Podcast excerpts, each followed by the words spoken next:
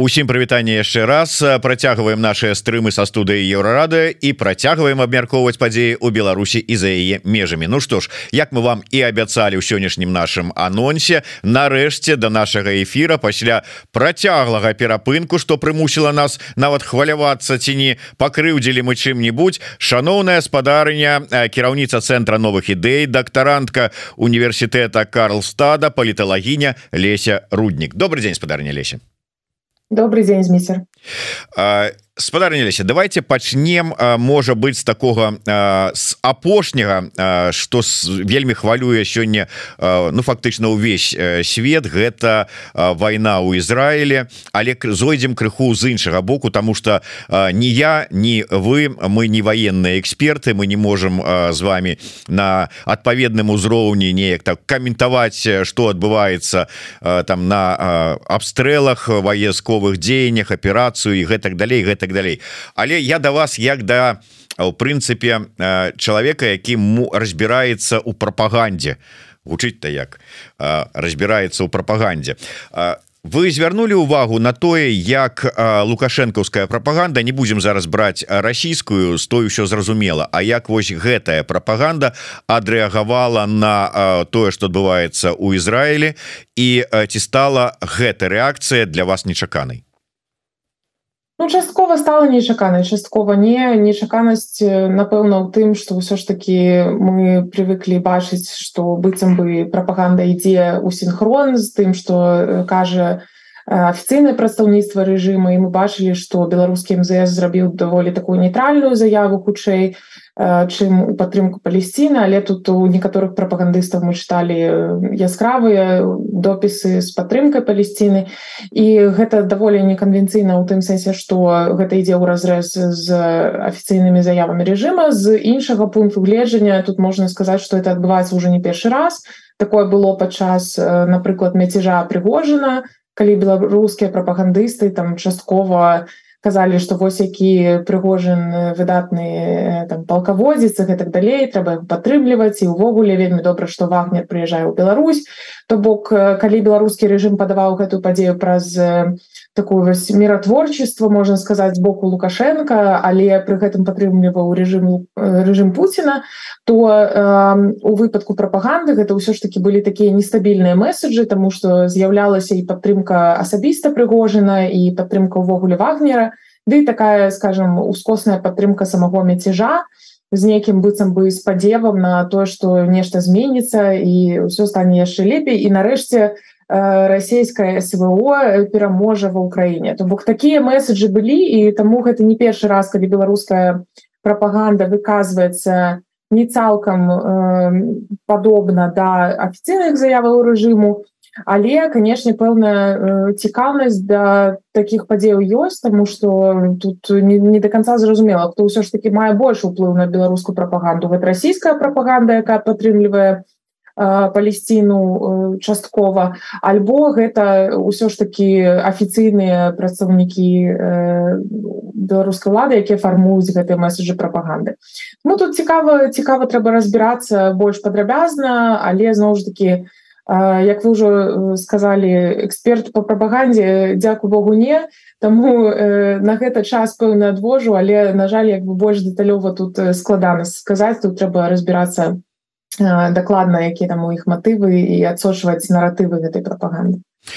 просто мы привыклі до того что калі кажем про пропаганду асабліва калі гэта гаворка ідзе про пропаганду у аўтарытарных там тоталітарных ці там як спадарня роза турбекова кажа про лукашэнкаўскі режим что это там неосталінізм у таких режимах пропаганда не можа апрыоры ісці неяк так вот у разрэз там ці нават адыходзіць ад лініі агульнай палітычнай ці метадычак якія ім спускаюцца. І часам мы назіралі такія вось паузы бо прапаганда не ведала як рэагаваць на тыя ці іншыя падзеі бо метадычкі яшчэ не паспелі спусціць. У дадзеным выпадку вот ўсё ж таки вы да якой думкі схіляецеся?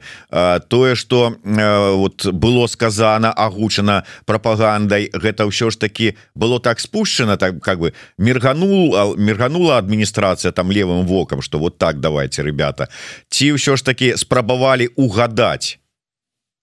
Я думаю что улічваючы тую лояльнасць які якую большасць прапагандыстаў ужо показала беларускаму рэжыму яны маюць пэўную долю такой свабоды у тым что выказваюць у сваіх каналах. Ну і тут важно таксама адметная Я думаю рыса гэтых заяваў звязаных з апошнім вітком канфлікта паміж Ізраілем палесцінай звязана з тым что ўсё ж таки афіцыйныя структуры якія каментуюць яны каментуюць Я думаю першую чаргу на знешнюю аўдыторыю прапаганда беларуская арыентуецца ўсё ж таки на ўнутраную аўдыторыю можа быць таксама на расійскую Таму гэта месседжы па-першае могуць крыху разыходзіцца і тут мы можем як бы думаць что гэта было скаардынавана з іншага боку. Я думаю что пэўная доля э, такой вось прапагандысцкай свабоды э, у гэтых праўладных спецыяльных спікераў яна ёсць і э, на жаль тут як бы ну, не хочется разбираться э,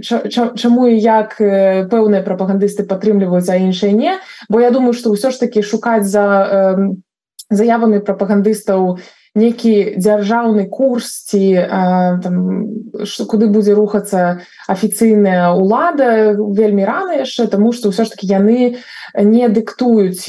не задаюць тон палітыцы таму тут это хутчэй іх меркаванне якое зноў ж таки я лічу там ёсць пэўна ступень свабоды але канешне скаардынавана на ўзроўні как бы агульных может быть месседжаў Ну э, у такім выпадку нават не ведаю наколькі гэта апраўданае пытанне. Ну але паколькі мы ўсё ж таки вынеслі яго у загаловак Ну мы ж любім там э, кіткія загалоўкі даваць нашим стрымам. Ўсё ж таки калі э, нават не гледзячы на тое что вот это месседжы гэтая прапаганда была скіравана Як вы кажаце на унутранага спажыўца найперш але яны гэтыя месседжы былі заўважаныя і знешне. Ну прынамсі там заўважылі там скажем нейкія дэмакратычныя сілы структуры спікеры перадалі гэта далей. Ну і как бы таким чынам на знешні рынок назовем гэта так такія пазіцыя агучаная лукашэнкаўскай прапагандай пайшла. Калі ўсё ж таки МЗС кажа крыху іншую ці стрыманую пазіцыю А тут вот такія вот ура ура там Палесціна давай там Іерусалім за тры дні. Ці не подстава гэта лукашэнкі Я не думаю что это подстава лукашэнкі тому что куды уже больш подставляться. Але э, тут як бы галоўнае то что мы можем пераацэньваць які ўплыў мае э, гэтыя прапагандысцкія месседжы які які ўплыў яны маюць реально на знешнюю аўдыторыю. Таму я думаю что нават калі дэмакратычныя сілы штосьці данеслі Ну что паробіш? Прапаганда до гэтага пісала вельмі ад'ёзныя рэчы вельмі незразумелыя. Ну зноў ж таки калі звяртацца до того что ўсё ж таки э, там дакладна ніхто з іх не прымае э, рашаючыя нейкія не прымае рашэнні звязаныя з фармаваннем палітычнага курсу режиму лукашэнкі то я думаю что нават калі заўважылі то асабістай реакцыі асаблівай реакцыі на это не будзе калі мы уже кажа закранули беларусаў замежжа апошнім часам вот апошні гэтыя ты ну прынцыпе там заўсёды такі даволі насычаны графік у лідараў прадстаўнікоў дэмакратычных сілаў Беларусі але апошнім апошнія тыдні ввогуле было вельмі шмат таких знакавых падзеяў. Гэта і там генасамблея Ан гэта і форум по бяспецы ў варшаве гэта іншая вот сустрэча зараз ціхановская у Даніі здаецца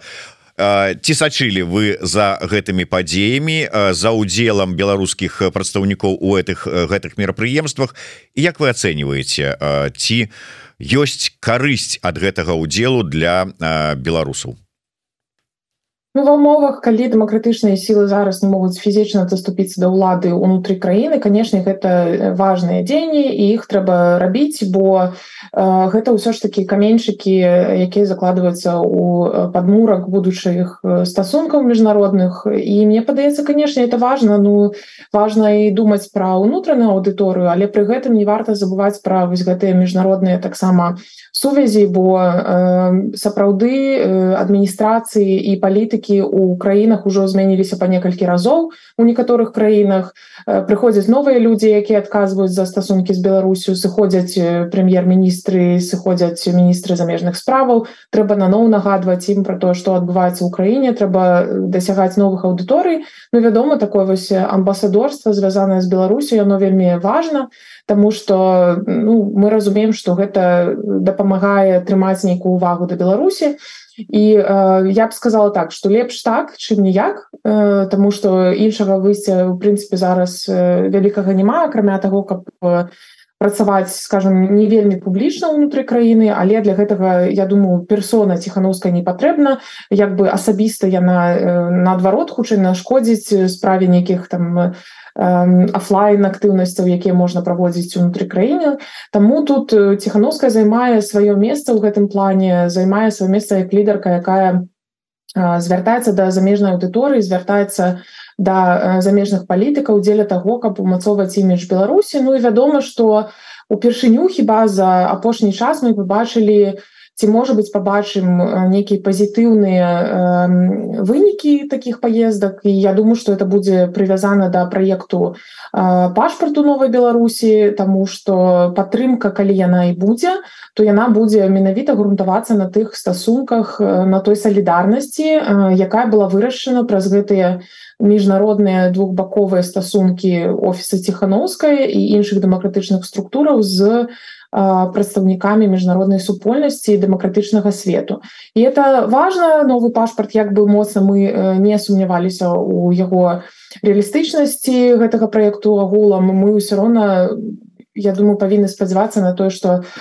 менавіта праз гэтыя стасункі міжнародныя можна будзе ўзмацніць падтрымку гэтага праекту. Нават калі ён будзе мець сімвалічную нейкую ролю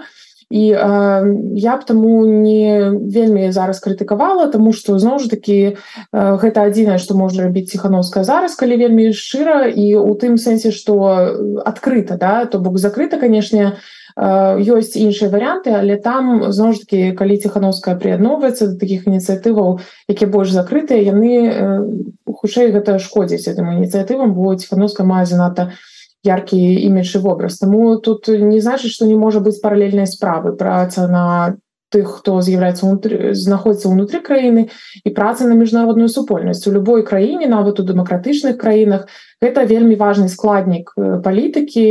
замежнай палітыкі заўсёды ездзяць сустракаюцца адзін з адным Ну і нават калі яны там п'юць каву ці ціснуць адзін аднаму руку гэта ўсё роўна потым пэўны момант можа згуляць важную ролю у момант калі той ці іншай краіне патрэбна патрэбна падтрымка.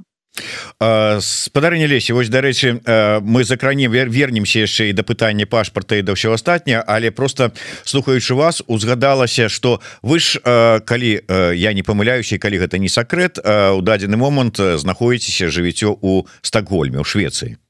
так.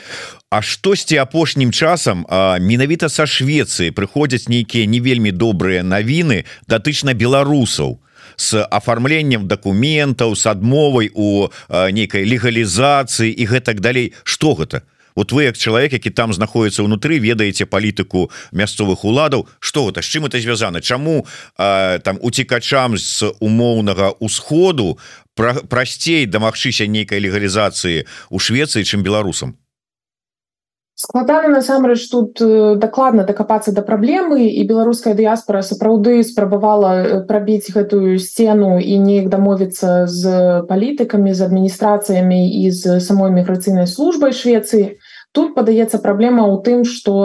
міграцыйная служба Швецыі якая дарэчы даволі аўтаномна працуе яна мае разуменне таго што ў беларусі не ўсё так кепска і падаецца што як мінімум параўноўваючы з краінамі дзе зараз усё гарыць і бомбіць то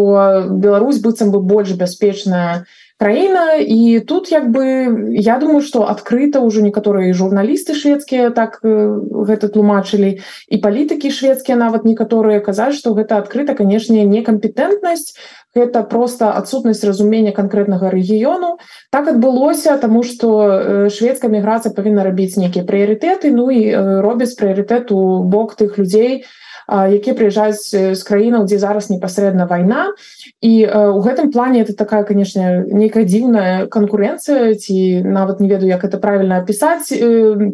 прафесійнымі тэрмінамі але гэта реально падобна на нейкую вось прыярытызацыю по прызнаку того адкуль ты приезжаешь тому что там дзе горш тым больш як бы верагоднасць атрымаць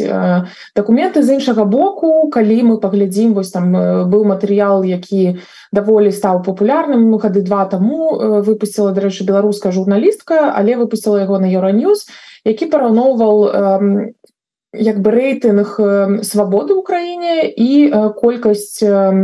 выданых палітычных прытулкаў у Швецыі і там вось калі параўнаць паглядзець на эту карэляцыю то ў беларусі сама кепская сітуацыя тому што ёсць краіны якія больш свабодныя чым беларусі пры гэтым колькасць людзей якія атрымліваюць палітычны прытулак у Швецыі і з'яўляюцца выхадцамі з гэтых больш свабодных краінаў яна вышэй чым для беларусаў. То бок у беларусаў вельмі шмат адмоваў. І конечно тут не трэба забываць что гэта часткова звязана з дублінам то бок шмат хто меў напрыклад польскія візы ці літоўскія візы прыязджалі ў швецыю і адпаведна адмова звязана была з тым что трэба было падавацца ў той краіне з якой у якая выдавала візу. І таму тут пытанне часткова я думаю насамрэч лагічнае так? А з іншага боку былі людзі якія мелі шведскія візы шведскія дакументы але ім усё роўна адмаўлялі. І тут это канешне прычына некампетэнтнасці. Бо апошні выпадак вось актывістка прафсаюзу якая атрымала адмову быў э, конкретно звязаны з гэтай некампетэнтнасцю. Чалавек э, яўна мае пагрозу па вяртанню ў Беларусь. Яе 9 калегаў знаходзіцца ў турме на сённяшні момант але гэта недастатковы аргумент для шведскай міграцыі бо э, нават у э, самім рашэнні было апісана на тлумачэнне адмовы было пададзена праз прызму таго што прафсаюзны актывізм у беларусі не з'яўляецца палітычным. Адпаведна ўсё што не палітычнае яно не прадстаўляе пагрозу канкрэтнаму чалавеку. Ну і канешне там галоўнае это то что прапанавалі паколькі нельга высылаць у Беларусь там не мае ў сэнсе прамых самалётаў таму прапанавалі набыць квіток да рассеі і тут канешне это яшчэ адзін адыёзны момант у гэтай гісторыі які ілюструе гэтую некампетэнтнасць. Пра яе трэба казаць пра кажа беларуская дыяспора ў шведскіх медыя беларуская дыяспора спрабавала таксама уступаць у камунікацыю з міграцыйнай службай. і гэта атрымалася зрабіць у фармаце дэбатаў праз адну з адно з онлайн выданняў і ў гэтым онлайн выданні старшыня міграцыйнай службы тлумачыць што не Беларусь не класіфікуецца як бяспечная краіна. Мы ведаем сітуацыю і кожны кейс які мы разглядаем гэта як бы індывідуальны кейс. Таму напэўна ў гэтых адмовах была іншая прычына. Карацей тут і некампетэнтнасці нежадання паглыбляцца ў пытанне але таксама ёсць канкрэтныя прычыны звязаны з тым што людзі маглі мець іншыя візы. Вось прыкладна так гісторыя развіваецца я не думаю что тут будзе паляпшацца сітуацыя нейкім чынам. Таму тут уже як бы дайшло до таго што мясцовых чатах беларускай дыяспары прапануюць людзям не ехаць у швецыю не падавацца нават не марнаваць свой час бо яшчэ одно у одна складанасць якая звязана з гэтымі адмовамі это то что людям прапануюць выносіць рашэнне про тое что яны павінны пакінуць шенген увогуле. То бок там паехаць у Польшу адразу са Швецыі не атрымаць что можна рабіць бо зараз пачнуцца прылятуць хейтары крытыканы якія будуць расказваць про тое что вось вам калі ласка не офіс на чале сціхановскай не кабінет аб'яднаны на чале с латушкам там і ўсімі астатнімі нічога не могуць зрабіць тому что ні на што яны не здатныя у гэтай сітуацыі да іх не прыслухоўваюцца і калі вот вы кажаце что нават дыаспора мясцовая не можа добиться то ніякіх там зменаў і тут не могуць якія то есть вот ёсць варыянты вырашыць гэтае пытанне? Ніякіх? Не ехаць трэба трэба працаваць далей з грамадскім меркаваннем у Швецыі не з грамадскім у сэнсе з палітычным і з увогуле лячыць сістэму якая звязана з міграцыяй і э, тут я вот вымушана сказаць что адказваючы на патэнцыйных крытыкаў які будуць сказаць что ціхановская нічога не робіць пры кожнай сваёй сустрэчы ў стагольме ціхановская агучвае э, прапановы э, і вельмі моцна заклікае шведскіх палітыкаў і э, адміністрацыю дзеля таго каб яны паўплывалі на міграцыйную палітыку дачынення да беларусаў. Нават апошні раз калі ціхановская прыязджала атрымліваць прэмію анлінд яна стаяла вось разам з прадстаўнікамі шведскай улады даволі высокімі некалькі людзей і там былі прадстаўнікі таксама беларускай дыяспоры. і вось акурат перад урушэннем прэміі і там шведскія палітыкі вось прям паабяцалі што ўсё будзе добра мы мы вот абавязкова паўплываем на тое каб сітуацыя палепшылася але ну мы разумеем что это дыпламатычная мова гэта запэўненне ў тым что мы разумеем сітуацыю мы канешне вас падтрымліваем соперажываем мы вельмі занепакоены гэтак далей але на жаль тут зноў жа таки гэта сістэмная праблема звязаная з тым як працуе міграцыйная служба ў Швецыі і зноў ж таки яна даволі аўтаномная і даволі састарэлая ў пэўным сэнсе разумення сусветнага кантэксту Ну да дарэчы цытата палітычныя канструкцыі беларусаў замежжа офіс ціхановскай аб'яднаны пераходны кабінет ужо нерэлевантныя ніякага прызнання яны не маюць паступова адбываецца працэс аднаўлення кантактаў дзяржаўных структур Беларусі з краінамі захаду у прынцыпе гэтыя кантакты і не разрываліся толькі часова прыпыняліся я цытаваў ваша калегу палітолага які по сумяшчальніцтву займае пасаду кіраўніка беларускага фонда спартовай салідарнасці Александр Александра апейкіна. Ці згодныя вы з тым что нерэлевантныя вось гэтыя названыя структуры? Ну і самое галоўнае что адбываецца аднаўленне контактаў дзяржаўных структур так бы мовіць лукашэнкаўскіх з заходнімі партнёрамі Ну давайте шчыра у нас няма канкрэтнай публічнай інфармацыі про тое што адбываюцца гэты контакты. Ёсць чуткі ёсць закрытыя нейкія крыніцы якія кажуць што быццам адбываюцца контакты паміж рэжымам і прадстаўнікамі заходняй супольнасці. І нават калі так то гэта быццам бы нормально тому что ну да, да пэўнай ступені адпаведна тому что ўсё ж таки захад зацікаўлены вырашыць вялікую рэгіянальную праблему. Гэта вайна ва ўкраіне і вядома что паляпшэнне сітуацыі ў беларусі могло б гэтаму нейкім чынам спрыяць. І я думаю что такія контакты могуць быць. І галоўна каб яны былі на карысць на карысць беларускаму грамадству на карысць увогуле вырашэнню палітычнай сітуацыі. Ну давайте шчыра мы как бы тут не ўплываем на эту сітуацыю. Таму калі яны ёсць гэта значыць что это рашэнне гэтых міжнародных дзяржаваў. Але зноў ж таки улічваючы что гэта не публічная інфармацыя то ёсць подазрение что гэтыя краіны нават калі маюць перамовы з рэжымам лукашэнкі то не вельмі гэтым ганарацца. І спрабуюць як мінімум трымаць іх на мінімальным узроўні і спрабуюць іх ну скажем выкарыстоўваць толькі дзеля вырашэння канкрэтных задачаў пакуль што мы бачым што і такія контакты ні да чога не прыводзяць калі э, тут э, глядзець на логіку вось працытаванага спікера то можна сказаць ну по такой логіцы і гэтыя контакты таксама не да чого ні да чаго не прыводзяць і может быть гэтыя контакты таксама нерелевантны. Таму тут э, можна конечно ўсё крытыкаваць можна вінаваціць усіх але давайте паглядзім на сітуацыю реалістычна что у нас э, зноў жа таки вяртаючыся до того что я сказал у пачатку у дэмакратычных сілаў ёсць пэўны арсенал інструментаў і тыя інструменты якія выкарыстоўваюцца публічна мы э, бачым да то бок гэта міжнародныя візіты гэта міжнародныя стасункі. Ну казаць што яны не маюць прызнання таксама будзе просто неправдай тому што ёсць там і рэзалюцыя еўрапарламента ёсць таксама акт па правах чалавека ЗША дзе каардынацыйная рада напрыклад прызнаецца як легітымны прадстаўнік беларускага народа Таму тут не, не варта казаць што не прызнаюцца тому што прызнаюцца сустракаюцца кожны тыдзень з кімсьці з міжнароднымі палітыкамі А вось пытанне рэлевантнасці гэта пытанне ўжо зноў ж такі рэлевантнасці для, чаго? Рэлевантнасці для того каб падтрымліваць Беларусь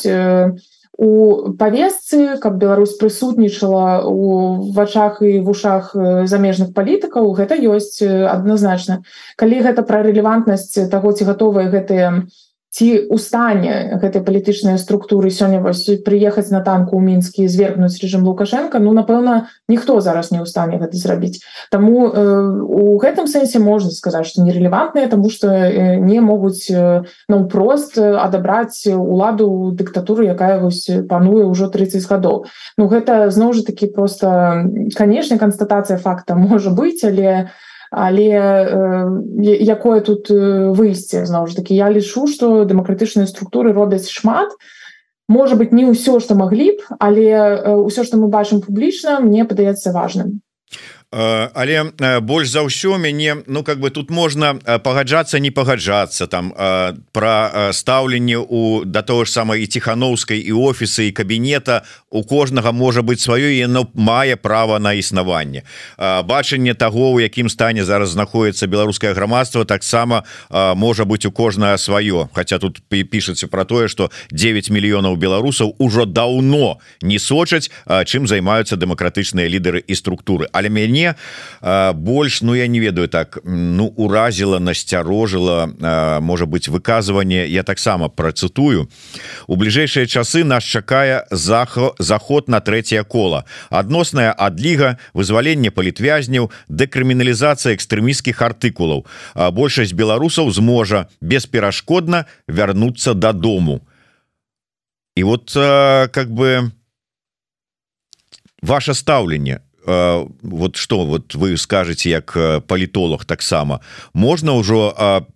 тым людям якія толькі і чакаюць моманту калі яны калі рэжым рухне і яны змогуць вярнуцца домой і зноўку спакоўваць чамаданы і ўжо рыхтавацца атмашки апейкі на чакаць калі ўжо можна будзе вяртацца Ну калі вы будете пакаваць чемаданы тры гады то конечно можна пачынаць. Мне падаецца что тут канешне вельмі перабольшаны гэты прогноз калі ён закладзены на кароткатэрміновую перспектыву. Таму мы можемм чакаць нейкай адлігі і мне падаецца что нават ну у сэнсе гэта добра і гэтага лагічна. Нам патрэбна вызваленне палітвязняў патрэбна каб дэкрыміналізаваліся пэўныя экстрэмісцкія дзеянні якія сёння так класіфікуюцца. Гэта ўсё патрэбна беларускаму грамадству. Просто пытанне ў тым што будзе далей і якім чынам будзе далей развівацца сітуацыя? Ці трэба нам каб пасля гэтай дэкрыміналізацыі і адлігі рэжым лукашенко заставаўся пры ўладзе? Нет але тое што выпускаць палізняволеных будзе рэжым лукашэнкі ну напэўна з гэтым цяжка не пагадзіцца.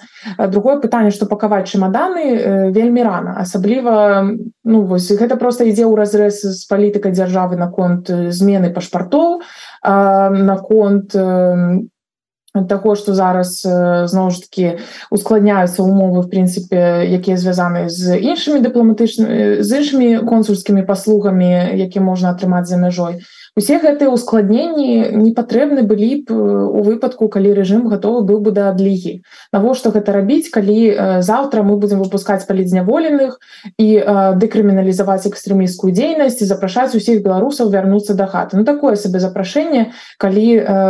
цябе чакае ну у сэнсе частку грамадства чакае канкрэтныя допыты турмы і может быть штрафы ў лепшым выпадку. Таму я б сказала что гэта вельмі паспешны прогноз прогноз нават калі так адбудзецца то адбудзецца не зараз і я не бяруся тут гадаць праз колькі зноў ж таки каб мы ведалі праз колькі ўсё зменіцца то я думаю что зусім по-іншаму бы выглядала стратегія дэмакратычных сілаў тут ніхто не ведае таму такія прогнозы таксама падаецца рабіць ранавата але я зноў ж таки вяртаюся до того что ну нельга адмаўляць той факт что сапраўды будзе пэўнае пацяпленне і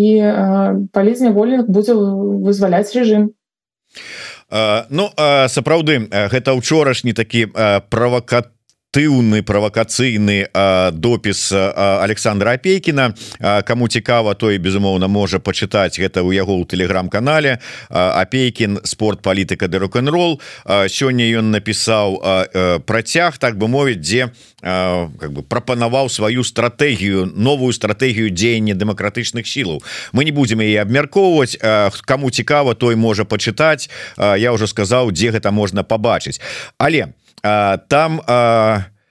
ставка у гэтай стратэгіі новай прапанаванай апейкіным ставіцца на каардынацыйную робіцца на каардынацыйную раду. Вы ўзгадалі что каардынацыйная рада прызнаная легітымным прадстаўніком беларускай народа тым же самым ЗША да прыкладу. А А на фоне того что зараз ідзе абмеркаванне Ну дакладней того что ўжо фактычна падрыхтоўка для будучых выбораў у коаардынацыйную раду Ну неяк так это пытанне становится актуальным. Як вы успрымаете вот гэтую прапанову і, ці гэта скажем гэтую структуру коаардынацыйную раду як у прынцыпе новы орган легітымны які прыйдзе можа быть на смену усім астатнім структурам якія ёсць. Тая ж самая офіс той же кабінет там уже усім астатнім Ну па-першае не прыйдзе не будзе такога што каардынацыйная рада застанецца адзіным прадстаўніком дэмакратычнай супольнасці Таму што Святлана ціхановская мае іншую функцыю прадстаўнічую на міжнародным узроўні каардынацыйная рада ўсё ж таки больш накіравана на грамадства унутры як мінімум я так считываю галоўны месседж палітычную мэту гэтай структуры. Ну а з іншага боку таксама ёсць апаненты якія будуць далучацца да палітычнай барацьбы хоць бы яна пакуль адбываецца па-за межамі беларусі то бок хутчэй за ўсё што нікуды не знікнуць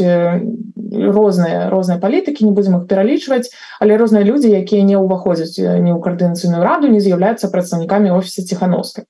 але калі думаць пра каардынацыйную раду вось вы ўзгадалі прызнанне у сэнсе я яго узгадвала раней. І важно таксама разумець что это прызнанне было здабыта у першы менш чым за год. Падаецца калі я не памыляюся пасля стварэння каардынацыйнай рады. То бок першае это прызнанне там еўрапарламента у рэзалюцыі а пазней ужо у акце правоў чалавека ЗША і гэта ўсё адбылося даволі хутка калі каардынацыйная рада э, быццам бы мела яшчэ больш такі моцны ўплыў. Э, это была вельмі свежая ініцыятыва і было зразумела што э, гэта структура якая аб'ядновая прадстаўнікоў розных розных э, сфераў дзеля вырашэння і адказу на канкрэтныя тры запыты якія былі у беларускім грамадстве падчас палітычнай кампаніі то бок это там новыя выборы все то что агалошвала Светлана ціхановская вось гэта і падтрымала каардынацыйная рада. Тут сувязь таксама паміж каардынацыйнай рады і Светлана ціхановская гістарычная у тым что афіцыйная каардынацыйная рада была створана па ініцыятыве Светланы ціхановскай хоць зараз працуе даволі аўтаномна. І наколькі я разумею у будучынь канешне стаўка на то что каардынацыйная рада будзе працягваць быць гэтым прадстаўнічым органам. І негледзячы на тое увогуле як доўга гэта падзеі будуць зацягвацца мне падаецца это сапраўды структура у якой быццам ёсць патэнцыял бо яна адкрытая для людзей з розных э, сфераў яна адкрытая для праяўлення сваіх палітычных амбіцый унутры арганізацыі практыкі дэбатавання прапановаў розных палітычных рэформаў палітычных курсаў і гэтак далей. І э, таму глядзець на каардынацыйную раду можна по-рознаму зноў жа такі калі мы бярэм за галоўную установку тое што варта рабіць усё што зараз можна рабіць за мяжой то вось ідэі наконт галасавання напрыклад у каардынацыйную раду яны зусім не кепскія і могуць яшчэ больш як бы ну ці просто скажем подвысіць легітымнасць каардынацыйнай рады у вашах таксама беларускага народа калі беларусы ўнутры краін таксама далучыцца до гэтага было б вельмі добра Я думаю і карысна гэта для легітымацыі самой структуры. Что тычыцца міжнароднага прызнання я зноў ж таки уже сказал что это было даволі давно але э, под сцяжэннем абставінаў гэта легітымнасць захоўваецца быццам і э, працягваюць розныя краіны апеляваць перыядычна як да офіса ціхановскай так і да каардынацыйнай рады. Ну вядома што хутчэй за ўсё падчас любых нейкіх перамоваў ці прапановаў каардынацыйная рада і офіс ціхановскай будуць як бы галоўнымі там прадстаўнікамі галоўнымі актарамі Таму як бы спадзявацца на каардынацыйную раду напэўна варта бо тое што маем то то як бы то, то добра ў сённяшніх умовах. І я думаю что это калі параўноваць з іншымі структурамі яна даволі адкрытая нягледзячы на ўсе скандалы нягледзячы на ўсе спрэчкі якія я дарэчы лічу добрыя яны аздараўляюць як бы палітычную палітычнае поле э, негледзячы на все гэтыя спрэчкі ўсё роўна каардынацыйная рада будзе я думаю что праз гэта менавіта праз гэту практыку дэбатаў практыку спрэчак становіцца крышачку мацней і крышачку больш празрыстая празрыстасць гэта тое что э, падаецца э, важно для тых людзей якіх сёння цікавіць дзейнасць э, палітычных дэмакратычных структур. Гэта празрыстасць гэта э, разуменне того як эта структура можа уплываць на э, тое что адбываецца унутры краіны. І тут як бы прэтэнзій про тое что вось калісяць па ўсім свеце э, усе там 100 чалавек э, ну таких прэтэнзій няма бо ўсё ж таки ёсць стаўка на супрацу з грамадствам унутры. І можа быть гэта адбываецца марудна там ёсць іншая крытыка марудна неэфектыўна гэтак далей. Але зноў ж таки гэта не той стос прэтэнзій які э, фармулюецца да святланы ціхановскай да яе офіса Леся можа быть коротко на вот гэтае пытанне яно вельмі мне хва мяне хвалюе думаю не толькі мяне мы гэтую тэму закраналі пашпарта новой Беларусі як яшчэ его там называют пашпарта ціхановскай там як як заўгодна. І не вер'е у тое что гэтае Мачыма что гэты паспорт будзе створаны і прызнаны то у свеце ёсць не толькі у крытыкаў самого офіса не толькі вось у там скажем того ж самого узгаданага нами апейкіна той же самый Миколай халезін даволі скептычна ставіцца до да гэтага пашпарта со словамі я бы вельмі хацеў але не веру вот все ж таки ваше меркаванне такое холодное меркаванне паліталагіні атрымаецца не Ну э, на жаль я бы не сказала что я тут э, больш пазітыўна ў гэтым сэнсе я давайте поделим это на две часткі Я думаю что па-першае э, пашпарт будзе это добрая частка. А другая частка якая менш пазітыўная гэта то что ён можа не выконваць э, абяцаную функцію что гэта значыць что хутчэй за ўсё э, дэмакратычным сілам у бліжэйшы час там не ведаю якой канкрэтна перспектыве удастся дамовіцца на э, вытворства э, пашпартоў і гэтыя пашпарты будуць іх можна будзе здабыць але э, ці будзе мець пашпарт такую функцыю як сёння мае сіні пашпарт вось гэта як бы пытанне так? То бок ці зможу змогуць беларусы карыстацца гэтым як адзі дакументам як дакументам які прадстаўляе магчымасць ездзіць па ўсіх краінах ну сэнсе па тых краінах там дзе беларусі беларусам не патрэбна віза і гэтак далей. Карацей ці будзе ён выконваць усе функцыі якія выконвае сённяшні беларускі пашпарт пакуль што складана сказаць Ну і мы ведаем усе гэтыя складанасці з гэтым звязаныя. Гэта там і, і гэты код краіны бо тэрытарыяльна у нас няма альтэрнатыўнай тэрыторыі. І тут як бы трэба думаць пра тое хто нам можа пазычыць гэты код альбо э, іншыя вось гэтыя нюансы. Другое э, ці можна нейкім чынам абысці гэтую працэдуру. Тут я ўжо не ведаю як это працуе э, дэталёва але з таго што зразумела это вельмі складаны працэс і мне падаецца здаецца дамагчыся той жа моцы для гэтага дакумента даволі складана прынамсі пакуль мы маем іншы пашпарт які выдае афіцыйная беларуская дзяржава Таму трэба думаць тут пра напэўна настраиваться на доўгатэрміновую перспектыву і трэба думаць пра тое увогуле э, якім чынам это будзе арганізавана хто будзе займацца вось гэтымі юрыдычнымі момантамі і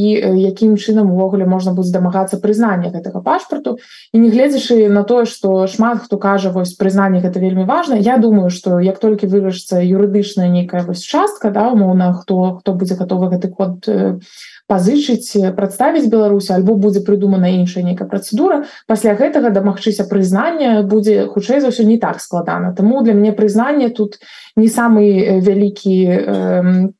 як бы э, самая вялікая праблема бо э, як толькі вырашыцца юрыдычнае пытанне то хутчэй за ўсё краіны якія сумняваліся наконт э, моцы гэтага дакумента ім будзе прасцей прыймаць рашэнне тому что прынцыпе ну легальны документ легальны значит можна прызнаваць прызнаём ціхановскую прызнаём э, каардынацыйную раду чаму бы не. Таму мне падаецца што пытанне прызнання это ўжо другасна але на сённяшні момант э, гэта не зусім зусім не тая стадыя. То бок зараз трэба працаваць з вырашэннем канкрэтных э, гэтых юрыдычных пытанняў. І тут ужо зноў ж таки моя экспертыза абмежаваная я не ведаю як это правильно арганізоўвацца але Ну, давайте спадзявацца что это будзе тому э, зноў ж таки тут э, няма пазітыўнай ці ці пессімістычнай пазіцыі ёсць просто ёсць просто факты на якія мы можем апірацца факт заявы ёсць факт того что дэмакратычныя сілы працуюць над гэтым пашпартам ёсць ну, спадзяемся на лепшае і спадзяемся что беларусам удастся ўсё ж таки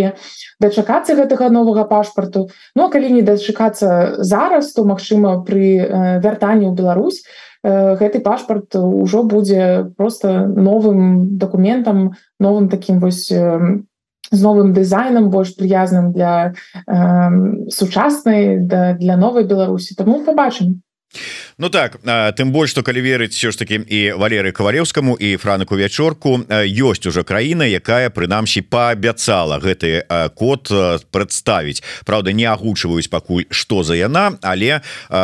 кажуць ці, ці праўду кажуць час покажа Ну і сапраўды тут самое галоўнае конечно верыць спадзявацца трэба але не сядзець склаўшы руки а шукаць іншыя шляхі легалізацыі найперш тым у кого узнікаюць пытанні праблемы с пашпартам альбо с тэрмінам яго дзеяння альбо там с вольнымі старонкамі. Ёсць мясцовыя розныя там магчымасці паспорт замежніка Жнеўскі пашпарт Ну і іншыя варыянты. Трэба выбіраць. Ёсць дарэчы я зараз попрошу каб поставілі спасылочку ёсць дарэчы на а, платформе новая Беларусь ужо адмысловая там а, мапа а, с парадамі для кожнай краіны а, як там у адпаведнасці з мясцовым нацыянальным заканадаўствам можна гэтае пытанне вырашыць. На заканчэнне да вас пытанне спадарня леся як да ўсё ж таки кіраўніцы цэнтра новых ідэй. Прогучалі словы про тое что що ж таки не не з ад вас от того ж самага апейки на про тое что патрэбна пераасэнсаванне і новая стратегія якая абапіраецца на рэальны стан рэчаў а не на пазаўчорашнія ілюзіі. Ну по словы про ілюзіі пакінем на сумленне апейкіна але сапраўды часто ідзе. З двадцатого года мінула больш за три гады. Можа сапраўды трэба новая стратегія новая тактыка новыя ідэі? Что скажаце ёсць яны Я упомніла что ёсць новыя ідэі дарэчы зрабіць невялікі анонс можна у нас 12 числа праз два дні будзе прэзентацыя проекта які называется чарнавік беларускіх рэформ там вось каля 10 чалавек прапановваць сваё бачанне того як можна рэфармаваць краіну будучні і паверце гэта не адзіны проект які звязаны з новымі ідэямі новымі прапановамі. Таких хапае. Для мяне хутчэй пытанне у тым ці праз стварэнне гэтых новых ідэй новых стратэгій унутры палітычных сілаў мы просто не знаходзімся ў такім цыкле калі мы просто параджаем новыя ідэі параджаем новыя ідэі і зноў такі але потым нічога з гэтым не робім то бок па мне так лепей дабіць нейкую стратэгію ўжо справіцца з адной са стратэгій чым просто пладзіць гэтай стратэгіі адна за другой. Там канешне важны гэты перагляд але асноўная стратэгія павінна заставацца на адзінай і канешне можна сказаць что трэба я адаптаваць да сённяшняга году хаця б сённяшняга месяцу часу і падзеяў але вельмі важна не забываць что канешне можа быть хтосьці ўжо жыве у 23 годзе але э, людзі якія селі ў турбу двадцатым годзе там і застаюцца і э, гэта гэтыя мэты нікуды не сыходзяць. Э, Я думаю что застаецца важным думаць про палітвязняў думаць про то як вызваляць людзей думаць про э, гэтыя рэчы тому что для кагосьці это ўжо прайшло три гады а для кагосьці яны цягнуцца як адзін дзень. Таму вельмі важна думаць таксама праз прызму тых людзей якія яшчэ засталіся ў двадцатым годзе бо Мачыма яны не маюць сёння такой магчымасці жыць як бы сённяшняй рэальнасцю бо ўсё яшчэ нясуць вось гэтую ношу на сабе праз удзелу палітычнай кампаніі. Таму з аднога боку так трэба думаць трэба асвяжаць падыходы на але па мне трэба мець усё ж таки одну адзіную стратэгію якая будзе каардынаваць і з'яўляцца таким апорным пунктам для дэмакратычных сілаў. І не абавязкова ёй павінны падпарадковацца усе ці там яна павінна быць прынята ўсімі ўсімі. Тут галоўнае каб агульная лінія гэтай стратэгіі была зразумела і каб усе рухаліся ў іншым напрамку а уже там крыху ўправа крыху ўлева і як менавіта будуць падзеленыя функцыі это ўжо можна абмяркоўваць. Я для таго што не трэба шмат шмат розных стратэгій так? Але з іншага боку таксама не трэба спрабаваць усіх заставіць рабіць одну і ту ж справу. Трэба каб было бачанне бачанне будучыні і гэтае бачанне у тым ліку трэба каардынаваць паміж э, паміж сабой трэба каардынаваць з экспертамі і з тымі хто мае час э, гэтыя новыя ідэі ствараць. І увогуле спрабаваць арыентавацца пры ўсёй гэтай справе на меркаванне беларускага грамадства спрабаваць з імі неяк усё ж таки падтрымліваць сувязь Ну так згодны. І самое галоўнае каб вось гэта бачанне про якое зараз сказала Леся яно было пазітыўным найперш а не упадаць у нейкай і таму я завяршу нашу размову каментаром нашага гледача под нікам Макссім а яшчэ раз заўважу гэта яго словы не мае каб тут не было абвінавачванняў у нейкіх там гендерных э, штучках. Леся прыгожая і разумная а у апейкі навідаць восеньская хандра. Так что давайте не хандрыць а думаць пазітыўна і разважаць э, лагічна і э, рэалістычна. Дякую вялікі лесе счастліва счастліва